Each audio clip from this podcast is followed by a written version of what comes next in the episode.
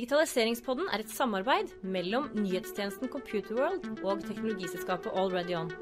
AlreadyOn utvikler hårete applikasjoner i skyen med agil metodikk for ambisiøse kunder. Velkommen til digitaliseringspodden. Velkommen, Dag. Takk, Jens Christian. Du står her med min, ved min side som vanlig. I, i en, eh, en eh, sånn tospann-kohort eh, er vel du og jeg blitt. Ja. Ja, Det går fint, det. I dag skal vi snakke om Cisco. Ja. Og hvordan de som bygde Internett ja.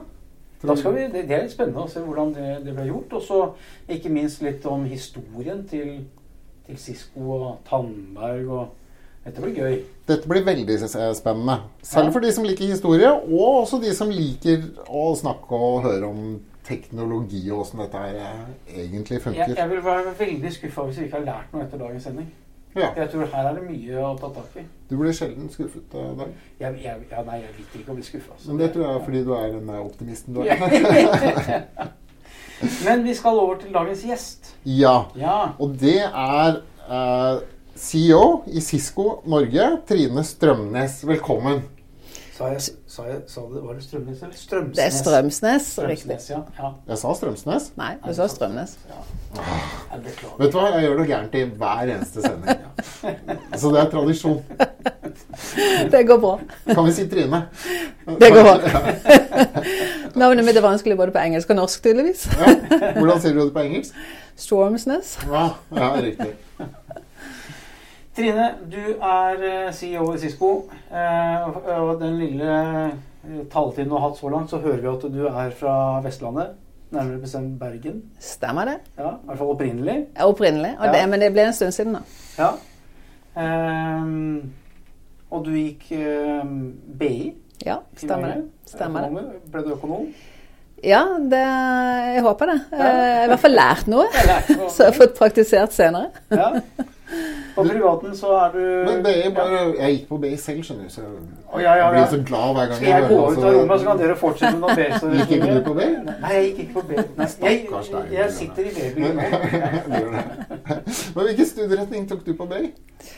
Eh, finans. Ah, jeg tok prosjektledelse. Mm, ja. Bra. Ja, den skal jeg ikke Nei, vi, vi, altså, vi kan gjerne snakke med B. Jeg skjønner det. Men jeg tenkte jeg skulle bare innom litt sånn hobbyer og interesser som du har. Eh, Du nevnte før sending at du er veldig glad i å være ute. Ja, stemmer Eh, det. Du og Manuel sa to hunder. Mm. Og da er det naturligvis eh, mye ute.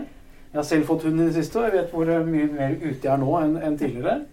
Eh, Men ski Ski, det er veldig bra. Ski på vinteren. Løping eh, på sommeren, eller er det vinteren også? Eller? Eh, faktisk begge deler. Det er Ja. jo eh, litt avhengig av været, da. Eh, men det fungerer helt fint på vinteren også. Ja. Det er å få litt bevegelse og litt frisk luft. Ikke minst. Ja, ja, ja. Det er kjempefint, det. Men når du er gjennom hunden, Dag, Ja. kan du gjette på hva slags hund Trine har? Nei, det der med det, det, skal Det ikke, ikke? det skal ikke du bli med på hva, hva eieren og hun skal like. Nei, det vet jeg. Men vi kan jo spørre hva slags hund du har. Eller du har to, da. Vi er to, eh, og det er såkalt irsk setter. Som er eh, det er fuglehund. Ja. eh, Og det er veldig ivrig etter å bevege seg. eh, Og det passer jo bra med meg, da, siden jeg er også ivrig etter å bevege meg. Så eh, det, da kommer vi oss mye ut i eh, skog og mark og på fjellet. Jeg hadde sagt setter, altså, hvis, jeg- hvis Ja. noen hadde spurt meg. ja, men de er jo De må jo løpe en mil eller to om dagen. Ja, Så det- det det passer jo veldig bra med livsstilen. Ja. Absolutt. Min far hadde en setter. Det var en veldig fin lynne og fin hund. Så godt valg der, Trine. Eh, du trives både langs sjøen og på fjellet. Eh, med hytte på, på Hvaler Mm. og i Gudbrandsdalen. Ja da. Ja. Blir det vannski òg, da? eller? Det er ikke blitt så mye ut av det i det siste. Nei, men, men Det det, er jo båt Du kommer jo fra Bergen. Og da er, det, er det mye båt og sjøliv, og eh, du savner jo det når du kommer her. Eh, Så det er veldig fint å kunne være ute i båt Mm. eh, på sjøen. Så det har jo litt det å være ute i fri natur. Det er fint. Um, å få gjort litt samtidig, da. Så Nå går vi mot de tider hvor du kan kose deg på Hvaler fremover, forhåpentligvis. ja. Det er, det er litt kaldere akkurat nå, men Ja. ja. Men det er et bra sted å være på sommeren. Mm. Du har gått på ski i Alaska. Det er litt gøy. ja. Ikke over hele Alaska. Nei, nei, nei. Nei da, det vi Møtte du bjørn på tull? Nei, men vi, vi var veldig nært. Uh, for å si det sånn. Vi, vi, en gang så hørte vi de veldig godt, og vi, så, vi visste at de var i nærheten. Uh, og det du må gjøre da, det er du, du må synge og klappe i hendene og snakke veldig høyt. Ja. For å holde de unna. Eh, og det, kan, jeg kan si det var den mest spennende turen jeg noensinne har vært på. jeg var virkelig nervøs. og vi, vi, så både Kall det avfall, og vi, vi, visste at de var der, og vi hadde hørt dem. Så det kan anbefales. Men så Alaska Bjørnmark? Kan, ja, ja, ja, Bjørnmark. Ja, det er helt rykende fersk. Uh, skal ikke gå i detaljer på det, men, uh, men det, er no, altså, det, er de tegnene du må se når du går tur der. Og så mm. har jo du skilt som står at uh, bjørn er i nærheten. Pass på. Mm. Og så hørte vi de på kvelden og på tidlig morgen. Så jeg var veldig, veldig var på, på det. Og I tillegg så møtte vi noen som sto og plukket bær på den turen vi var på. da. Og de sto plukket bær med en med revolver. Det hadde de eh, så, sånn for sikkerhets skyld. Så du kan enten klappe og snakke høyt, eh, eller ha med revolver? For eksempel. Ja. Eller begge deler. Ja. ja. Våpen er vel ganske vanlig i Alaska? Det er litt mer vanlig enn ja. hva vi har i Norge. Ja. Det er litt mer villmark òg, kanskje? Mm, det er enn i Oslo? Det er, det betraktelig mer villmark. vi skal innom eh, Ikke bare innom, vi skal snakke mye om Cisco. Um, og Cisco er jo noe som alle kjenner til kjenner liksom til ruterne, kjenner til oppkjøp av Tandberg i sin tid. Men kan vi ikke begynne litt sånn kronologisk? Skal starte litt med. Hvor kommer uh, Cisco fra? Når ble det stiftet, og hvorfor ble det stiftet? Og, og var det Silicon Valley? og alt det der? Ja, det, altså, det, er jo egentlig historien om to selskaper. Uh, så jeg begynner med det første først, og det er jo Cisco. Og det ble startet i 1984 i det som vi kaller for Silicon Valley. Um, nærmere bestemt så ble det startet uh, på Stanford campus. Og det ble Det var et ektepar som heter uh, Sandy Lerner, uh, Len Bosek. Og de jobbet begge to på campus. Og historien er, historien er, litt annerledes, men den historien vi liker å fortelle, er jo at det de gjorde, var å oppfinne noe som gjorde at to datasystemer kunne snakke sammen. På den tiden så var ikke det tilfellet. Så vi, de hadde en protokoll på det ene datasystemet en protokoll på det andre datasystemet som kunne, gjorde, gjorde at de ikke kunne sende data mellom disse to systemene. Og Når du sier systemer, så mener du to nettverk? Nei, to, to, to, to den gang mainframe, eller stormaskin. Ah, ja, ikke sant? Ja, ikke sant? Og da hadde du to, to fakultet på Stanford som, hvor de var ansvarlig for sine IT-systemer den gang, som var mer mainframe. Og så skulle de få sende data mellom disse, da. Eh, og det kunne de ikke. For det, eh, den, det, det, var ingen, det, var ingen, mulighet, for det var ikke noe overføring eh, mulig. Det var ikke noe overføre eller eh, oversette den ene protokollen fra det ene systemet til det andre. Det var ikke mulig. Så de oppfant noe som, oppfant noe som heter en multiprotokollruter for å kunne gjøre det. Og dette ble veldig populært. Eh, de solgte det til andre ansatte på Stanford. Uh, og derav ble Cisco startet. Men var dette før Det er ikke sikkert du vet det, men er det før TCPIP var funnet opp? Der. Nei, TCPIP var med Det var funnet opp den gangen. Ja, ja så, så IP-protokoll har jo vært egentlig Eller IP kom jo senere men, og, og, ble brukt mye, mye mer senere. Men, men, IP var jo på en måte det som er grunnlaget for internett. Ja. Og, og, vi bygget internett, for å si det ja. sånn. Så så eh, det var jo egentlig starten på et, et industrieventyr. Eh, også starten på internett. Så for hvis du ser hvordan situasjonen er i dag Nå har jeg ikke nøyaktige tall, da, men vi har jo mellom, regner mellom 75 og 80 av trafikken på internett går gjennom våre eh, produkter. da. Og da er det typisk ruter og switcher um, på en eller annen måte. Og det er jo over andre siden av, av vannet også. Så, så, så, internett er bygget eh, veldig mye eh, sammen med at, at, Cisco ble bygget. Så vi gikk fra å være to ansatte eh, til hvor i dag vi er rundt 80 000 ansatte. Mm. Så, så, og i dag er vi i så å si alle land i verden. Eh, hvor vi har typ salgskontor, eller vi har um, også utvikling. Så har vi utvikling i Norge. Og det er en annen historie. Det er en historie. Før vi kommer inn på det, ja. jeg må bare innom det der med altså Når du snakker om hvor store det har blitt.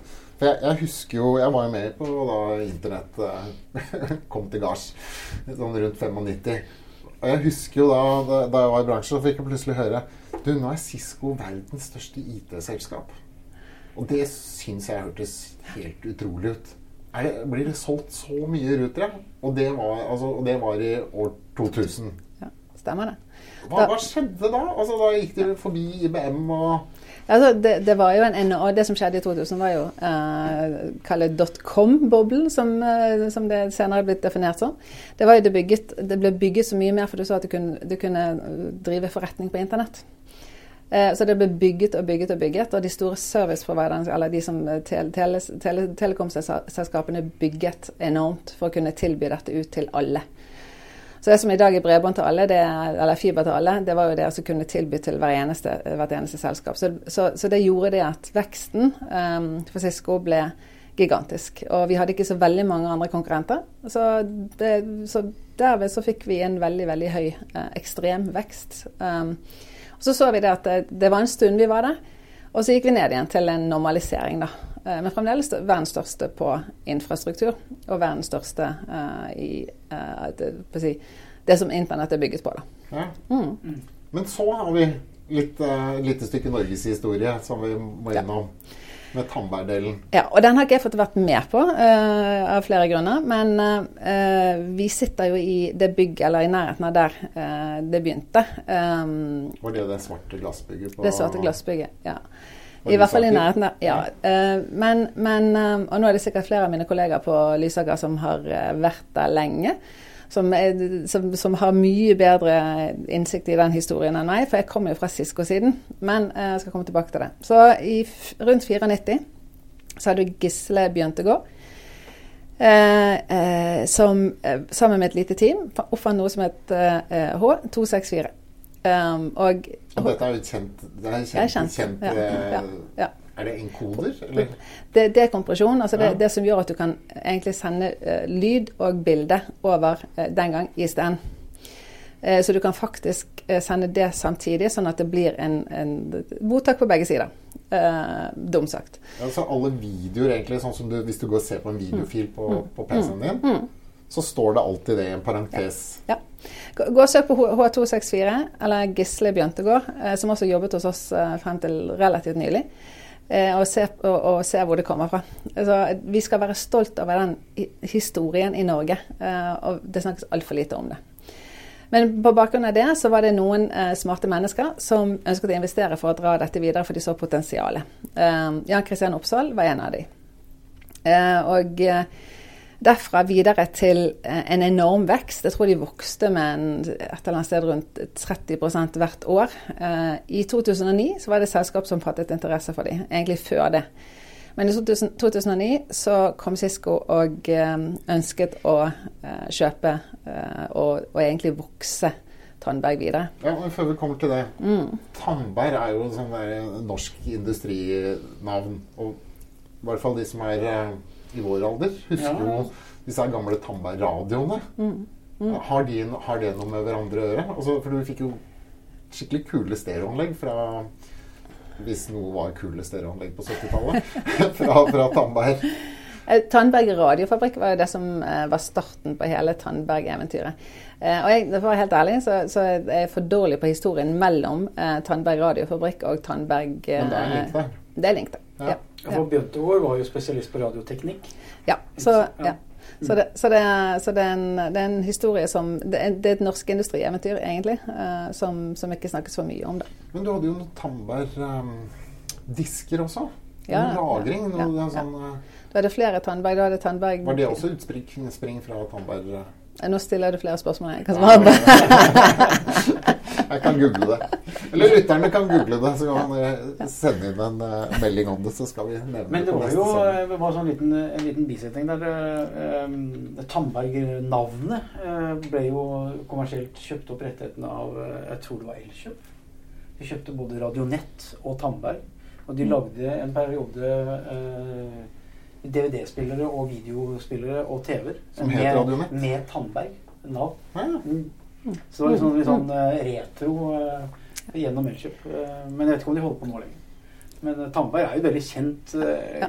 godt norsk ja. navn. Da. Burde egentlig hatt en egen sånn Kvikk Lunsj-historie.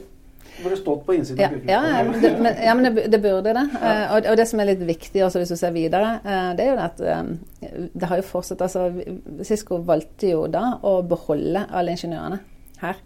Vi er fantastisk dyktige på å jobbe sammen i Norge. Ja, for da er vi videre på oppkjøpet Ja. før jeg avbrøt. Ja, ja, nei, men jeg må bare avbryte. Um, I 2000 og, ja, 2009 eh, det, Oppkjøpet ble ferdig gjort, eller um, klart, i 2010. Da hadde vi et uh, gigantisk launch party. Og da kom jeg fra Cisco-siden. Og da hadde du eh, Tandberg som var mye mye større enn en Cisco var i Norge den, den gang. Så det, det var interessant. Eh, men det som, som, som eh, ble sett fra Cisco, uh, var jo det at uh, vi, vi, må beholde den, de som sitter der. Vi må virkelig beholde de som sitter der, for de er dyktige. de har skapt noe, og de gjør fantastisk arbeid. fantastiske ingeniører vi har i Norge. Så det må jeg bare si, si hurra for, for det, det er det. og som jobber sammen um, på en, på en, helt unik måte. Vi, det vi er flinke på i Norge, eller det vi har mye av i Norge, det er tillit til hverandre. Ja. Og det å jobbe sammen som team, er, det er viktig. og, og du gjør det, da, da kommer det til resultater mye raskere. Så vi har fantastisk dyktige industridesignere, vi har fantastisk dyktige uh, ingeniører på lyd og bilde som lager verdensledende eh, eh, produkter, for, eller videokonferanse, for det globale markedet. Og vi ja, er verdensledende. Ja, det var jo det Tandberg holdt på med. Det var jo videofonen. altså, ja, det var den første, første, den første telefonen eh, som ble lansert med hvor du kunne se den du snakket med. Ikke sant? Ja. Så, så, så derfra så, så, vi, så, har vi beholdt eh, nå, er vi, nå er vi mer enn 350 ingeniører, men vi er i hvert fall i overkant av 400 i Norge. I Norge og så er vi totalt uh, nærmere 550 som sitter på Lysaker. Så, og, og er det, er det, fremdeles kjernen i, i, utviklingen i Cisco på videokonferansesiden, eller er det en del av et større nettverk? Det er en del av et større Cisco har, Vi har en plattform som heter WebEx, som, verdens, som var verdens største videokonferanseplattform. Mm. Og de som sitter her i, i, Norge, det er de som er ansvarlig for WebEx Devices. Dvs. Si at de endepunktsbusinessen vår. Da. Men de gjør jo veldig mye mer. Er veldig mye software. Det, det, altså det er alt fra industridesign til ferdige um, løsninger som vi selger ut. Og det er fra, hjemmekontor til større kontorer. Så, ja, for jeg tenkte jeg skulle spørre om mm. Veldig mye av det man driver med i, i verden nå, er jo software. De fleste driver jo med utvikling, og så er det ikke så mye hardware. Men dere driver jo med hardware. Men er den uh, Tandberg-delen, som fremdeles da finnes i Cisco, mm. det er også hardware, ikke sant? Ja, det er hardware. Det er absolutt hardware. Så, også software. Når du sier 400 ingeniører som sitter mm. og mm. Så sitter de, sitter de og, og, og designer uh, hardware-bokser som, som, gjør Designer de beste videoløsningene eh, for beste uh, de beste samhandlingsløsningene. Og det, det gjør de. Altså det, kan, det, er jo i utgangspunktet eh, hardware. Da. Det er, det er skjermer som er dedikert for videokonferanse. Med den beste video, nei, beste videomulighet, eller beste video, den beste audio. Eh, også en software selvfølgelig, som er en viktig del av dette. Så veldig mange av de som er på Lysaker nå, det er softwareutviklere. Mm. Veldig stor andel av det. Og så har du eh, lyd. Det som er viktig i en video en, en, Hvis du skal virkelig ha et godt møte på video, så skal ja. du ha en veldig god video som ikke hakker, og så skal du ha veldig god audio. Men da, da, tenker jeg, når du sier dette med å liksom ha det beste eh, kvaliteten Og da er vi litt innpå Vi snakka så vidt før sending, men da er det kanskje forskjellige behov i forskjellige områder av markedet i forhold til hva som er best. For sånn som uh, i pandemien nå, så har vi jo alle sittet på Teams eller Zoom eller, mm. eller, eller Skype, ikke sant? Mm. Og det fungerer jo mm. til, for, for, det bruket. Men hvor kommer da liksom eh, steget opp på Cisco, hvis vi skal kalle det et steg opp? Hva, hva er forskjellen? Vi ser jo på, på opplevelsen til brukeren. Uh, og det har vi gjort hele tiden. Altså det kommer, brukeren er i fokus. Uh, men vi mener jo også det at uh, ja, vi ble tvunget ut i pandemien, så vi ble tvunget på video. Um, og da sitter vi av og til krokrygget over en PC eller en Mac, og så har vi en, noen sånn AirPods eller noe i, i, i ørene.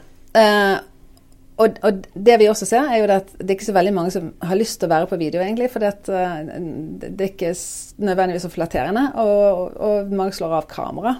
Um, det som vi gjør, er at vi sier at hvis et møte skal være bra, eh, må, eh, eller hvis, hvis videoløsningen skal være bra, så må det faktisk være bedre enn det fysiske møtet. Ja. For når du er nå ikke må være på video mer, har du ønske da om å, om, om å bruke løsningene videre.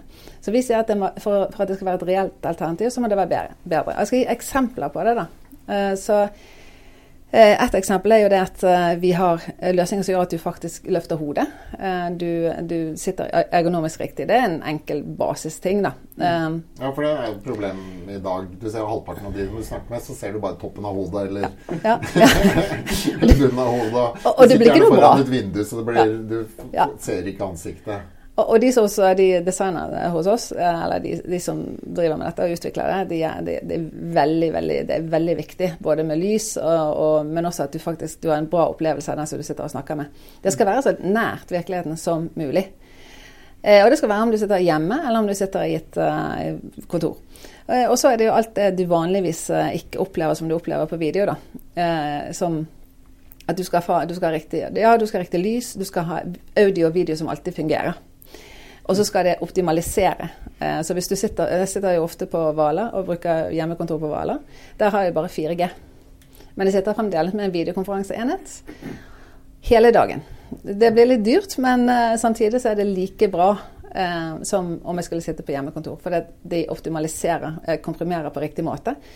Så det er viktig. Også, eh, Og eh, da er vi tilbake igjen på den eh, H264. 64, for eksempel. Ja. Videokompresjon. Eh, men, men da, det, det optimaliserer for riktig bruk. At, det, at du alltid har best lyd, eh, video og best lyd. Og så sier vi Det som, som er utviklet de siste tidene, er jo det at eh, som vi sier, det skal være bedre enn det fysiske møtet. Eh, og det er å eliminere støy, f.eks. I bakgrunnen. Så hvis hun hunden bjeffer, eller hvis du krøller et papir, eh, hvis, du, hvis jeg gjør noe som eh, skaper støy, så eliminerer den, eh, den støyen. Det eneste du får, du forsterker eh, audio, talen din. Ja. Det andre Hvordan ja, det. fikser dere det? Eh, vi kjøpte opp et selskap som het Babble Labs, eh, som hadde fikset det allerede, og vi tok det rett inn i eh, produktene våre. Så, så de, det er egentlig egentlig å forsterke den lyden, altså vanlig tale, da. Så den greier å gjenkjenne Frekvens og Ja. Det er AI. Det er, det er AI. Altså, Ja, det må jo være ja, det. er AI. Ja. Så, så se etter det normale, eller det som skal være der, og det som ikke skal være der. Eh, og så, så har vi Er det sånn at samtalen blir bedre etter hvert fordi den har lært hvilken lyd som skulle være der, og hvilken som ikke? Nå stiller du spørsmål igjen. Så, Jeg er kjempenysgjerrig. Ja, men eh, du skal komme bort og snakke med de som driver med det hos oss. Eh, Men, men andre ting er jo som vi, vi kan gjøre, det er også eh, oversette språk på direkten. Simultan oversetting. Eh, Transkribere, sånn at når jeg sitter i et møte med deg, så tar den det viktigste, som vi sier. Eh, og så har den eh, igjen, med bruk av AI, eh, muligheten til å sette sammen et, en oppsummering. For hvem er det som gidder å lage oppsummering? Mm. Det er veldig vanskelig å gjøre det når du sitter i et møte. Så får du oppsummeringen, og så får du noen eh, aksjonspunkter. Og det får du som men dere har voice to voice også?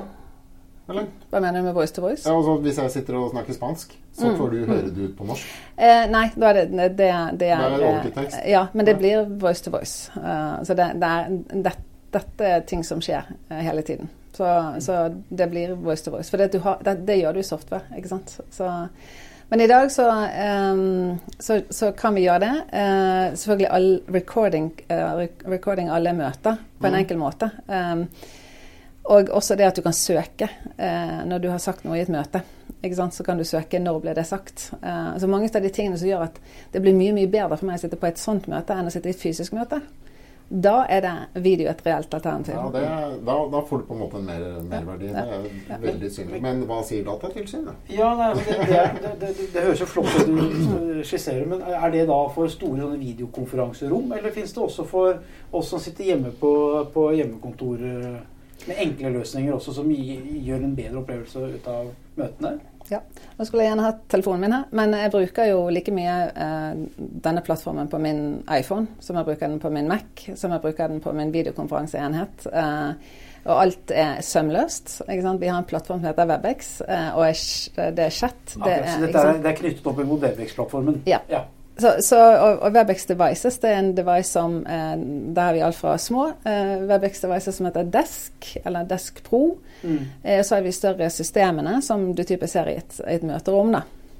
Eh, så, så vi har egentlig for, for, for, alle, for alle formål. Mm. Det viktigste er jo at eh, jeg, når, jeg, når jeg sitter i i bil på vei hjem, da, så sitter jeg på en, eh, på, selvfølgelig på Bluetooth i bilen.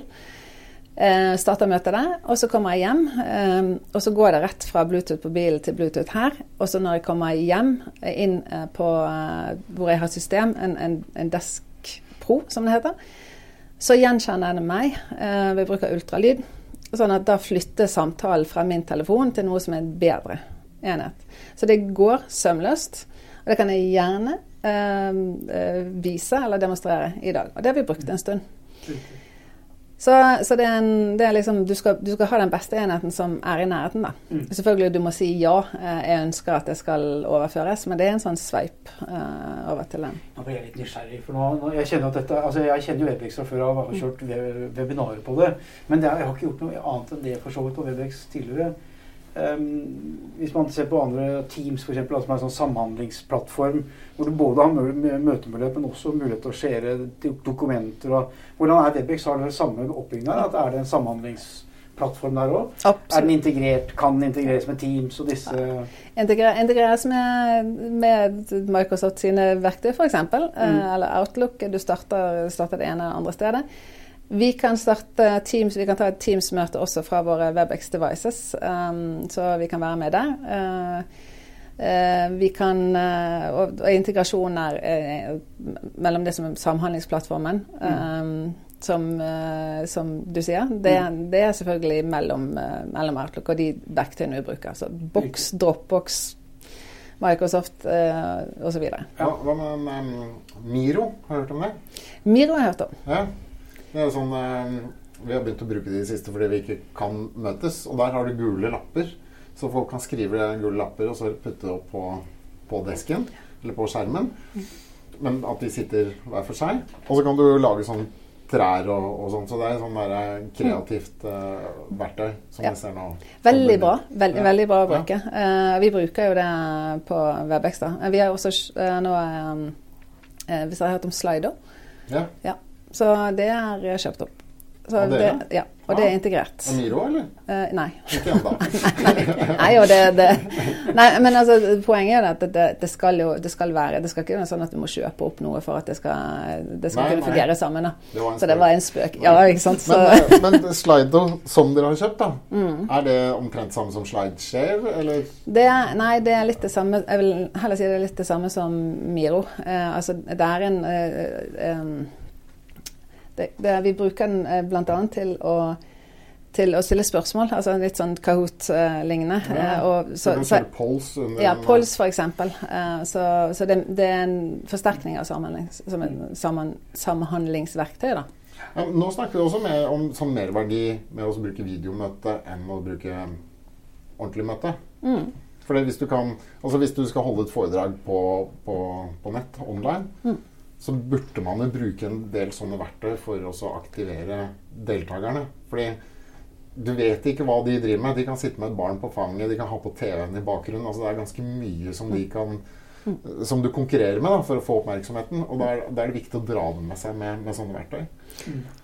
Absolutt. Og jeg ser det noen, noen som er mye dyktigere enn meg på å bruke Slido og, og, og, andre verktøy. Eh, men Slido spesielt, det er å holde, liksom, stille spørsmål underveis. Eh, for du vet jo selv, det å sitte, du, du, har ikke så langt attention span, og i hvert fall ikke når du sitter foran skjerm. Nei. Så du må, liksom, du må engasjeres på en eller annen måte. Så, mm. så, og vi blir bedre og bedre på det, vil jeg si. Uh, så men det var interessant å få litt, sånn, litt innblikk i, i Webex-sfæren igjen. For det, det har ikke, der har jeg ikke vært på lenge. Så, du må gjerne prøve det igjen. Ja, det, det, skjønner jeg nå at jeg må, at jeg må utforske litt.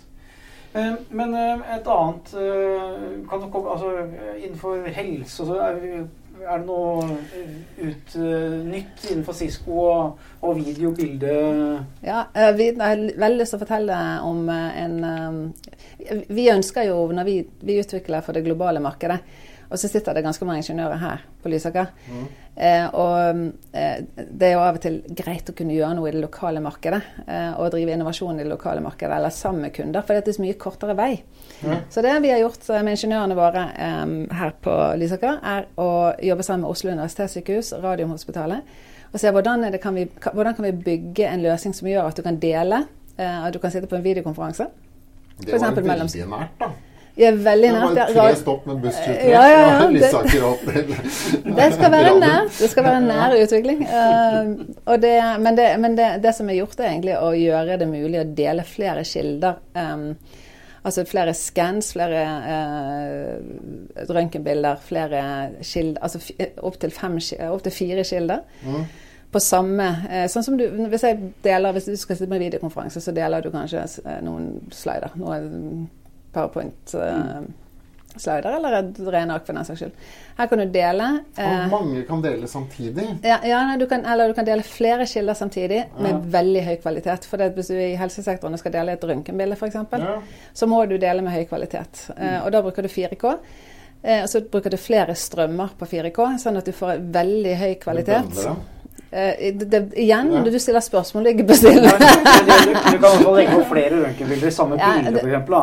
på, på på, vi har fire skjermer, og så har vi en videokonferanse. Så sitter Ja. du da med, med to sykehus, eller flere andre. Også noen leger som sitter på hjemmekontor, f.eks. Men er dette for pasienttilfeller. Eller? Dette er for, for å vurdere under en behandling av en, av en pasient, i dette tilfellet en kreftpasient, eh, hvordan har behandlingen fungert, eksempelvis. Eh, Og da er eller, tiden viktig. ja, og, og, og da er tiden viktig. Og, og det også, å, å, finne ti, å finne en riktig behandling for en kreftpasient pga. Eh, at du, det er mye informasjon som skal frem og tilbake, så tar det opptil åtte uker. Eller syv uker. Da Eh, kan den kreftbyrden ha Oi, ja, vokst mye. det, ja, ikke sant. Og det, for pasienter så er det helt uh, Åtte uker det er kjempe, veldig veldig lenge. Fra du, vite, ja, ja, for du, for, du, du får vite at du faktisk har kreft. Og så, Men så dette her har hjulpet oss, eller legene egentlig på Radiumhospitalet, den løsningen har hjulpet de å ta ned den tiden fra syv uker til én uke. Så det, det er helt fenomenalt. Eh, Det som de har gjort da, er å bedrive riktig digitalisering. altså. For det de har sett på hvilke prosesser er det, hvilke, altså du skal sende et brev frem og tilbake. Dette kan vi eliminere ved at vi kan snakke sammen og vi kan jobbe sammen på en mer effektiv måte. Så de har faktisk tatt, virkelig gjort det, digitalisert prosessen. Eh, og i dag så kan du da gjøre dette mye, mye raskere. Og det har vært fokus på hjernesvulst, eh, fordi at det vokser og det er aggressivt. Ja. Så det må du få ned tiden på. Og det er et eksempel på innovasjon. Så har vi jobbet sammen med Aktiv mot kreft, eh, f.eks. Aktiv mot kreft har eh, opprettet studio i hele Norge for å kunne ha, la sine medlemmer kunne bedrive også fysisk aktivitet under pandemien, når ikke de kan dra inn på et sykehus. Så da har vi sørget for at de, kan, de har laget en plattform som de kan tilby til sine medlemmer. Noe eksempler på det. Og det gjør vi for det globale markedet. Og disse løsningene de dras ut i det globale markedet. Så nå viser vi disse og selger det i England og USA og andre steder. Og Det er vi stolte av, altså. Ja, det er sånn det ja. Men det bridger egentlig ganske fint over det, Trine, til eh, neste, neste tema vi hadde lyst til å snakke litt med deg om. Det er dette med digitalisering. eh, og hvordan det er å være leder i, eh, i digitaliseringstiden vi er inne i. For det er ikke bare bare. Nei, Nei altså det, det er jo mye som skjer. Eh, Vi har jo nå liksom sett alle, eller veldig mange virksomheter som nå har en plan, eller er godt i gang med digitalisering. Det var det for så vidt før, vi skal ikke hele tiden snakke om pandemien. Men, men vi ser at det, det er skutt fart eh, mye under, eh, under pandemien. Um, så så det, som, det som jeg kanskje ser er veldig viktig, er jo at uh, digitalisering kan skje i alle virksomheter. Eh, men men eh, tror, som leder så må du som innse at det er en del av kjernevirksomheten. Du, teknologien er ikke en, en, en ting på siden. Det er, det er nå en del av kjernevirksomheten, og du må ta et ansvar for det. Så, Ja, det er jo ikke alle som er enig i det. da. De har sitt håndverk og holder på med det, og så sier de, dette er det jeg driver med. Og så kommer de og sier ja, men du må huske på du skal digitalisere, og så er det Nei, det er ikke så Men det blir færre og færre bransjer som sier det. Mm. Ja, ja, det, det, når du ser fordeler altså du, du må, Først må du som leder forstå hva det faktisk dette innebærer. Er, det noen andre som har gjort det? Er det noen andre som har gjort noe lignende i min bransje? Eh, og hva i så tilfelle hadde, hadde gjort effektivt, eller eh, positivt? Eh, mer effektiv, eh, effektivt, mer, bedre kundebehandling. Bedre for mine ansatte. Det er noen ting du egentlig bør måle det på. Og hvis du tror at det er mulig, så bør du se på hva er det da jeg kan gjøre. Eh, så, og, men hvis ikke du som leder tar det ansvaret, eller styrer eller leder, så klarer ikke du å drive effektive digitaliseringsprosesser.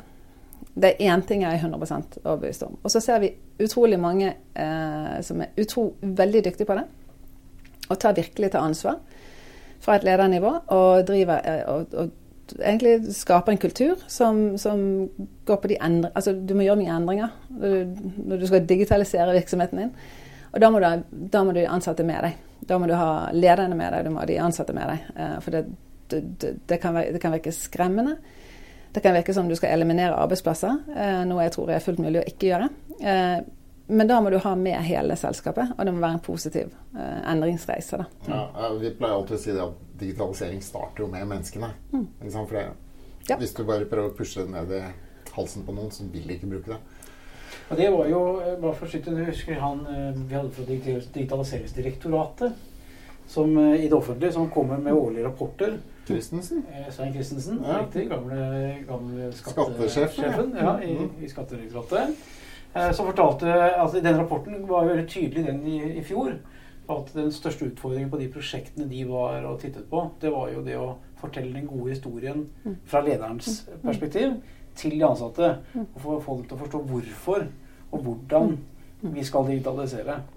Og så må, og målet. Hva er det, målet, målet ikke sant? Det må være veldig tydelig. Det tradisjonelle why, how and what, ja. nesten. ikke sant? Og, det, og det, det, er jo fremdeles mm. aktuelt. da, At mm. det er mange som, uh, som glipper kanskje litt der. Ja. Men jeg, jeg, tror også det er altså Dette har vi sett innenfor andre områder. Du hadde Kvalitetssikring på, på 90-tallet skulle alle bli ISO-sertifisert. Mm. Og så hadde direktøren, eller disponenten som det het den gangen, satt på toppen der og sa ja, vi må vel, vi må vel bli ISO-sertifisert se å få ansatt en ISO-konsulent. Og så var han liksom ferdig med ja. Ikke sant? Han ville ikke involveres mer i det. Um, ja, og Det kan, og det kan, det kan ikke flykte fra lenger nå i digitalisering. Nei, men jeg tror det har vært litt, litt av det samme, i hvert fall noen steder. Mm. At uh, ja, vi får bare ansatt en uh, digitaliseringsdirektør, da, som mm. får ta seg av det. Men det blir jo feil, særlig hvis du snakker mm. disruptiv um, digitalisering. Fordi da skal du på en måte du skal endre produktet ditt. Du skal endre leveransemåten på produktet. Uh, og hvis du ikke gjør det, så kommer noen andre og gjør det for deg og tar over businessen din. Men, men det er ikke alle som, som er der enda og skjønner det. Og det skjønner jeg også, for det krever jo mye kompetanse for å forstå hvordan du skal endre det du holder på med. Ja. Men det er mye, det er mye det er, altså hvis, du går, hvis, du googler digitalisering, en av form for digitalisering, så får du opp du får vanvittig mange treff, og så får du veldig mange som har lyst til å hjelpe deg med det. Uh, men, men det, det, gjelder litt å, ha, å, å, forstå litt den bransjen du er i, og forstå litt uh, hva du ønsker å oppnå, uh, og forstå hva andre har gjort. og det, finnes, det vi gjør mye av for kunder, er å fortelle de gode historiene. Mm. Og se på hva andre har gjort, om det er innenfor, altså i Norge eller om det er utenfor Norge. og så, så, er det jo egentlig å begynne med de tingene som du ser her faktisk noe som er enkelt å oppnå. Eh, å digitalisere altså, Noen har den tankegangen Er det noe som er manuelt? Kan jeg, kan jeg automatisere det? Så, kan, så, gjør jeg det. ikke sant? Mm. Så, så, og så har du disruptive, da, som, mm. som, som, er hvordan blir forretningsmodellet, hva det skal selge i fremtiden, hva jeg skal gjøre i fremtiden, hva det min bedrift skal være i fremtiden. For du ser nye muligheter uh, på bakgrunn av at du har teknologi. Mm. Og IOT er jo en del av det, eh, hvor du har sensorikk som kan innhente, du kan innhente data. Eh, den dataen, hvis du, den, eh, hvis du, behandler den riktig, så kan du få utrolig mye bra innsikt. Og, og det kan jo selvfølgelig nettverket og infrastrukturen hjelpe til med. Det, så, så, vi jobber veldig mye med Sensorikken skal alltid gjennom en Cisco-ruter. Riktig. det er i hvert fall, det er mottoet. ja, ikke, ja, ikke sant. Men vi, vi, har veldig mye IOT. Vi, vi driver med både olje og gass og industri og vei og transport, ikke minst. Eh, hvor, hvor målet er å innhente data. Lager dere sensorer òg, eller Nei. er det bare infrastrukturen for Infrastruktur. Infrastrukturen er intelligent infrastruktur på kant, som gjør at du kan ta mange transaksjoner inn på kant eh, og behandle de der og da. Istedenfor å dra de helt til sky, f.eks. Men, men ikke, sensorene er ikke vi som eh, På kant? Ja, hvis, du, hvis du sier at du, en, eh, du, skal innhente noe informasjon om sensorer ute i en by, da, ja. og det er veldig mange sensorer, mm. så vil du ønske å behandle det der og da, der sensorene er, ja. istedenfor å dra det over nett til et datasenter eller en sky. Men da eh, må du ha en distribuert server, da? Altså at det er en server der ute? Du har en, du har et, du har en kant-ruter som, altså med en liten datamaskin i, som ah. kan faktisk uh, behandle det. Kan gjøre lokale beslutninger. Mm. Mm. Ja. Og ikke dra det helt inn. Men du kan også da samtidig dra dataene tilbake igjen Ja, for absolutt. analyse på et senere tidspunkt. Ikke sant? Absolutt. Men hvis du skulle Nå kommer jeg med et vanskelig spørsmål igjen. Hvis du skulle kjørt noe computer vision, altså at du sitter og overvåker en eller annen videostrøm, Mm. og så ønsker du å telle alle antall mennesker som har gått forbi et lyskryss, fordi det var interessant for uh, samferdsel, kunne du ha skrevet det programmet i, i et eller annet uh, AI-program og puttet det inn i ruteren? Eller blir det for avansert? Må den være på en måte ferdiglaget for det? du, det er mye av det skjer i software i dag, altså. Eh, ikke sant? Så, så, så du, du, gjør, du gjør det altså du gjør det i software, eh, og det, det, du drar det inn i hardware på, altså på ruteren. da. Men, men det, det uh, Ja. Det er jo altså, ja, ja, det var et vanskelig spørsmål. Men det er klart at hvis man ser på hva man klarer med Det var et vanskelig, det var et veldig vanskelig spørsmål, for det var ikke helt, det var ikke helt uh, klart. Nei, nei, nei. og og det er jo også sånn Det er jo det man uh, kjører store workshops med, med massevis av ingeniører for å, å løse. Mm. Men, Men det som er ganske uh, interessant i dag, syns jeg, det er jo at man, man kan gjøre veldig mye mer lokalt i disse, på denne kanten enn det man kanskje tror. Altså Hvis man ser på en, en iPhone-prosessor i dag, så har jo det blitt en veldig komplisert og sterk datamaskin i seg selv. Ikke sant? Så, så du har ganske mye kraft der ute allikevel. da. Men om du klarer å dra det så langt som med, med full AI og, og masse data, det, det, er vel, det er vel en grense der, men, men den vil vel hele tiden bli utvikla. Du, du gjør det. Du gjør ganske mye i dag. og hvis du snakker om videostrømmer, så er det også ganske mye data som skal overføres. Ja, Så det er bedre å få liksom en, eh, en rapport, eller bare tallene på antall som har passert. Så blir det mye mindre data å overføre også. Mm.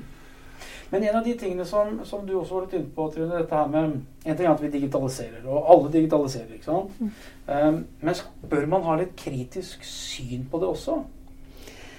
Ja, du, du bør ikke digitalisere for enhver pris, eh, syns jeg. Eh, du bør ha et kritisk syn i forhold til det. Eh, er, er, er, er det hensiktsmessig? Har jeg noe mål med å digitalisere? Eh, hva vil det innebære? Altså, du bør ha et kritisk syn eh, på at, at du ikke skal gjøre det for enhver pris.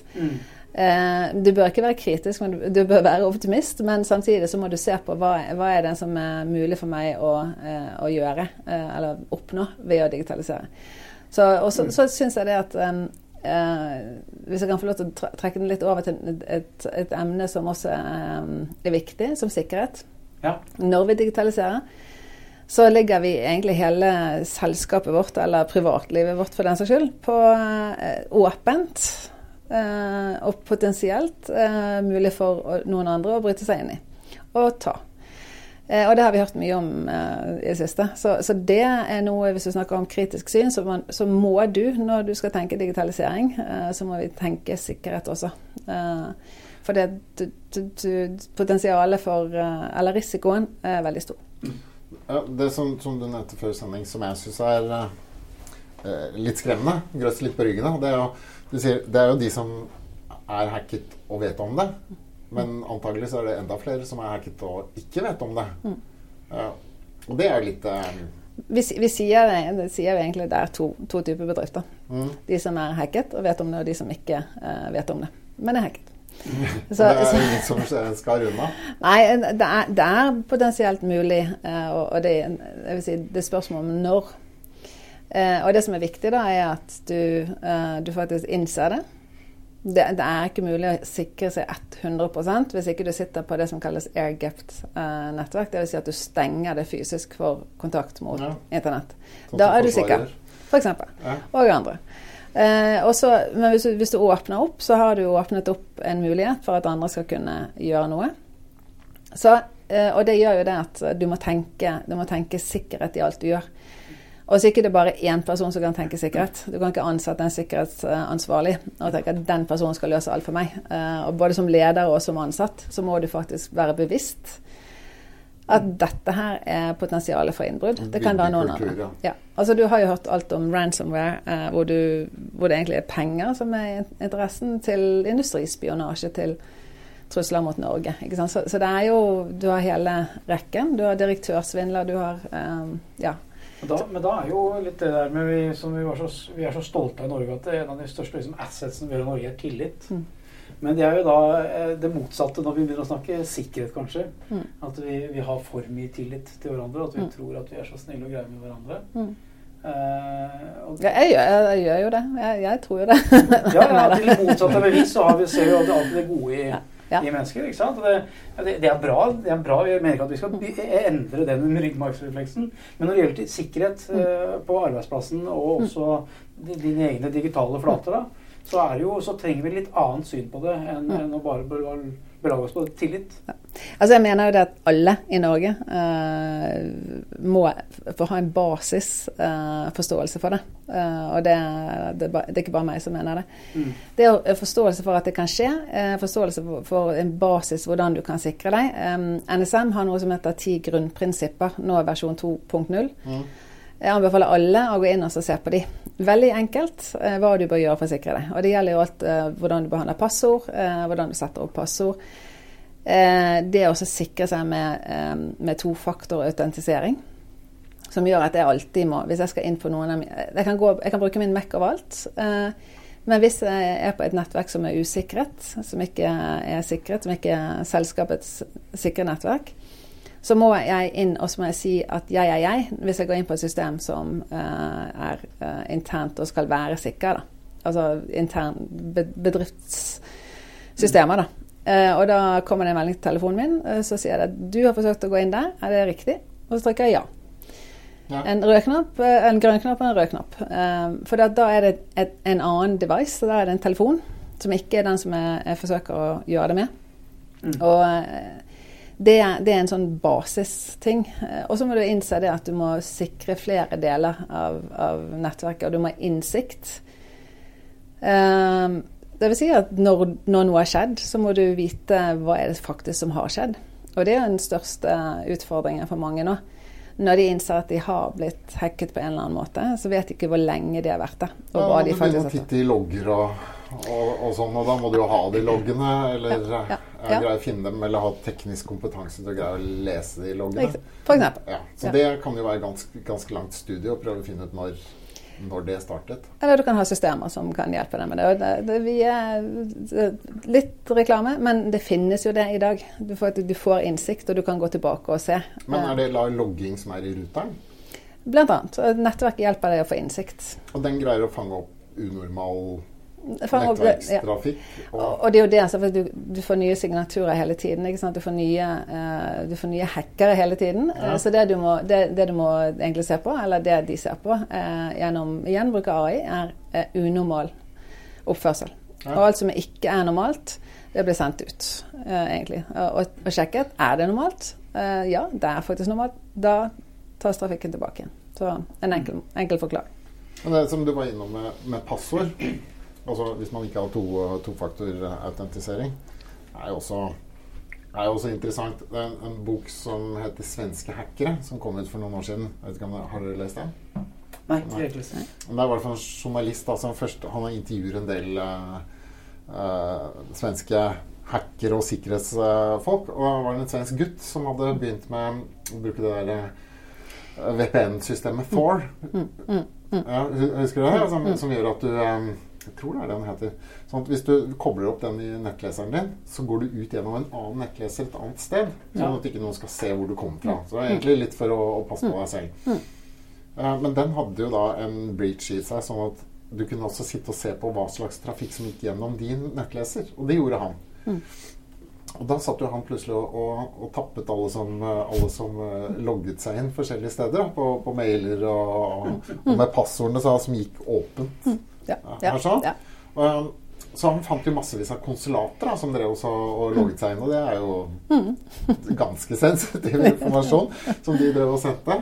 Og så kontaktet han dem, eh, alle disse her konsulatene, og spurte eh, Stemmer det liksom at den og den informasjonen at dere har gjort sånn og sånn? Og ingen som ville svare.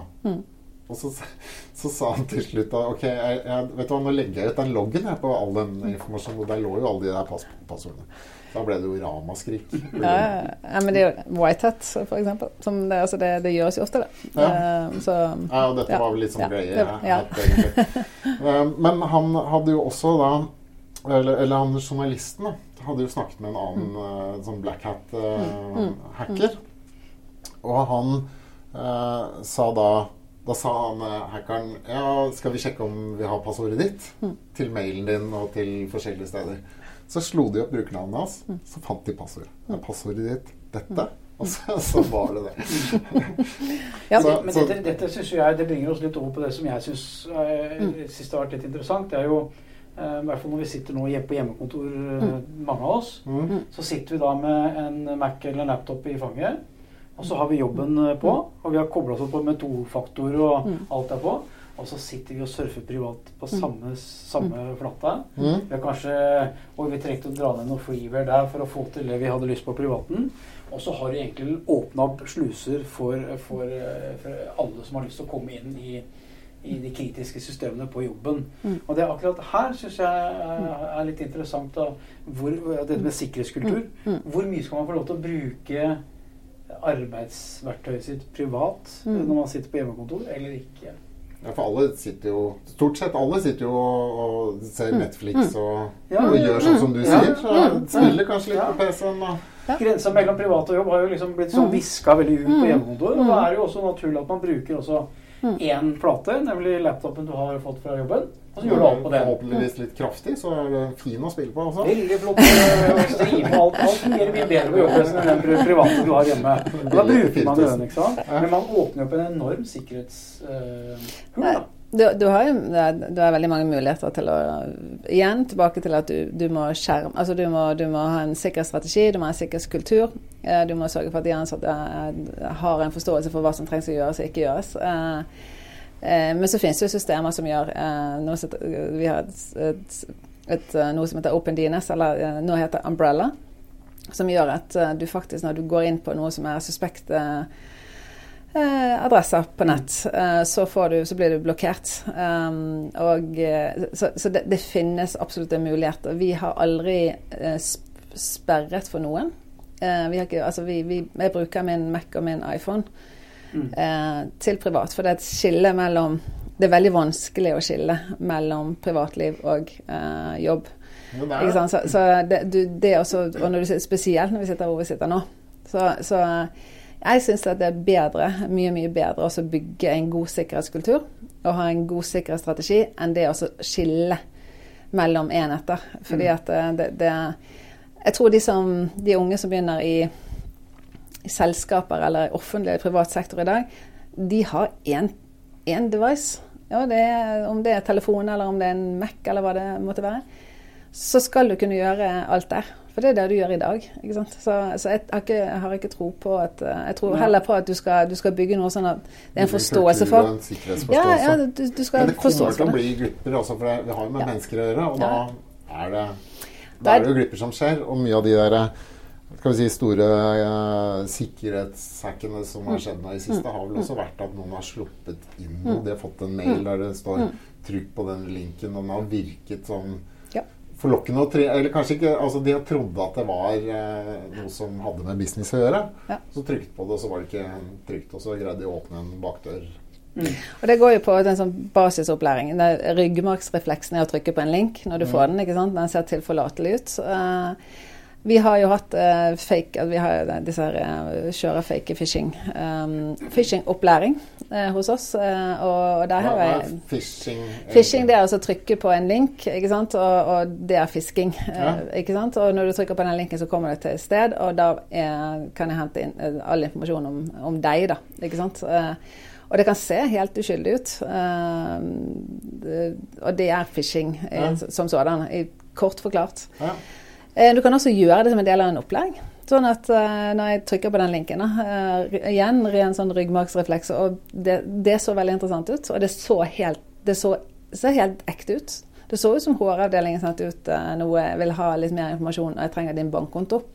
Ja. Alt så helt likt ut. Jeg glemte å sjekke den e-mailadressen og, og, og se hvor den faktisk kom fra. Det bare så ut som den kom fra vår avdeling. Eh, sant? Ja. Mm. Men vi kan jo også fake Ja, du, du, Fake- du faker inntil du faktisk tar Du kan ta copy and paste og se hvor, hvilken adresse det faktisk er. Ja, men Du kan også si at du kommer fra en mailadresse. Nå er det mye sånn der, um, sånn Mm. Ja. der back, backup, lookup-greier i Ja. anti-spam-systemene. Men Ja, det, det, det, hvis, du, hvis, du, tviler noen gang, så tar copy and paste ja. uh, også i en vanlig edit, editor. Uh, så, så, vil du se hvor det kommer fra, egentlig. Altså hvor, hvor den adressen er, eller bare ta mm. hoover over, som det heter. Men, men, du lærer. Etter to ganger så lærer du at um, tenk deg om en ja. gang til før du tar den refleksen. Mm. Uh, så, så, det er en del sånne ting som er nyttig, og som er en del som igjen basisopplæring. Og det er en del, vi er digitale i dag alle må kunne dette. Alle må ha en forståelse, tenker jeg. Så, så er det litt om du går på skole eller er student, eller om du er i arbeidslivet. Eh, det dette er en grunnskoleutdannelse. Ja, ja, men, ja, men hvorfor har vi ikke det? Hvorfor har vi ikke det? Si sånn? Hvorfor skal vi ikke ha det som en del av grunnskolen? For du får jo hvor, hvor eh, tidlig er det du får din første iPad? Ja. jeg, jeg, er eh, apropos, jeg gikk tur med, med, hunden i dag morges, og så gikk jeg forbi et, et hus i nabolaget. Og så hører jeg da pappaen roper ut av, av um, døren. Og jeg tror det var, Dette var garantert en førsteklassing. En jente som går på sparkesykkelen, så hører pappa 'Har du husket telefonen din, jenta mi?' Det var liksom siste måtte Ikke om matpakka var på plass, men at telefonen ja. var på plass. Det var viktig. da. Det er liksom litt betonende for hvor vi er hen i dag. Da. Ja, tenk på den friheten vi hadde da vi vokste opp. Da var det ingen som eh, Ja, du slapp det. Du slapp det. Bare vi møtte opp til middag, så var alle fornøyd. Jeg ser vi begynner å gå mot uh, slutten, Jens Christian. Ja. Eh, og da har jo vi uh, vårt uh, faste spørsmål ja. som vi stiller vår gjest. Ja, Vil du stille i dag? Ja, jeg ja. stiller gjerne spørsmål. Jeg ser på det at du ikke er forberedt. det er hjertet til det. og det er neste gang du hører på Digitaliseringspodden. Mm. Hvem hadde du ønsket å ha hatt som gjest? Er det innafor å nevne en i eget selskap, eller? Som jeg tror er interessant? Det går jo det også, men det er jo mer spennende og kanskje ja, um, skal vi tenke oss om. Um, vi har uh, Det var vanskelig, denne her. For jeg har jo faktisk sett gjennom hvem som har vært der allerede. Mm. Uh, um, men Det er noen som har vært flere ganger. Det er noen som har vært flere ganger, ja. Uh, skal vi se Hjelp! Det står stille. Det står helt stille. Jeg vil, jeg vil få nevne Merete Asak i Cisco. Hun er CTO, og hun har, eh, hun har gjort veldig mye spennende. Ja. Det hun har jeg lyst til å nevne uansett, så selv om jeg får lov eller ikke. Um, så har vi uh, Så sto det helt stille. Vi kan, vi kan, godt ha flere fra Cisco også, men det blir ikke neste uke. Nei. For Merete Asak uh, er nevnt. Ja.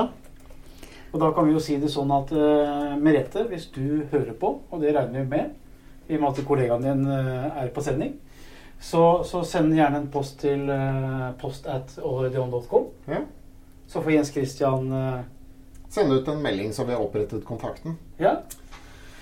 Veldig bra. Du, Dag, innledningsvis så ja. sa du uh, du trodde du kanskje kom til å lære noe. Jeg trodde det, og, og, det, og, og, det, og jeg kan vel konkludere med at, at ja, jeg har jo lært mye. Jeg, jeg, jeg har, Hva har du lært? Det jeg syns var sånn, fra sånn brukersperspektiv, da, så synes jeg det var litt gøy å, uh, å se litt hvordan Webex uh, har utvikla seg. Ja. Plattformen. Mm. Syns jeg er kjempespennende, for det, det, tror jeg er viktig for mange. Mm. Hvordan er brukeropplevelsen med å bruke det? Så det skal, jeg, det skal jeg titte litt nærmere på. Det gleder jeg meg til. Ja, Og hvor mange ingeniører som, uh, som sitter i Norge og, og jobber, utvikler og forsker? Og H264. Mm. Ja. Ikke glem det, folkens. H264 er viktig protokoll. Um, Oppfunnet av Gisle Bjøntegård. Ja. ja. Og ikke minst uh, Sisko uh, og historien med Tandberg. Kjempespennende det. Mm. Vi har vært innom digitalisering. Det har vi også. Fra lederperspektiv. Og da med fokus på disruptive. Mm. Kultur og, og sikkerhet mm. som avslutningstema. Sikkerhet og kultur er kjempeviktig. Um, og så blir det et avsak til slutt. Jeg kan jo også komme med en sånn eh, Nå, nå klarte jeg å, å, å, å, komme på en som jeg faktisk hadde tenkt på. Uh, det, vi har en uh, veldig spennende IT-direktør i Sandefjord kommune. Ja. Sondre Andersen. Han har jeg ikke vært borti. Han er spennende. Han er spennende. Så ja. Sondre uh, han er veldig spennende å høre på. Og når du snakker om digitalisering, så vil jeg anbefale å ta med han. Gøy. Veldig bra. Trine Strømsnes, tusen takk for at du kom. Det har vært en uh, hyggelig. flott sending. Ja. Takk for i dag. Takk for i dag. Takk, takk. Takk til alle nerder, savvies og futurister som gir digitaliseringspodden mening. Dag og Jens Kristian blir kjempeglad om du abonnerer og gir oss en strålende anmeldelse. Vil du lære mer om digitalisering, kan du laste ned digitaliseringsguiden fra allreadyon.com slash digitalisering. Til vi høres igjen, ha en fantastisk uke.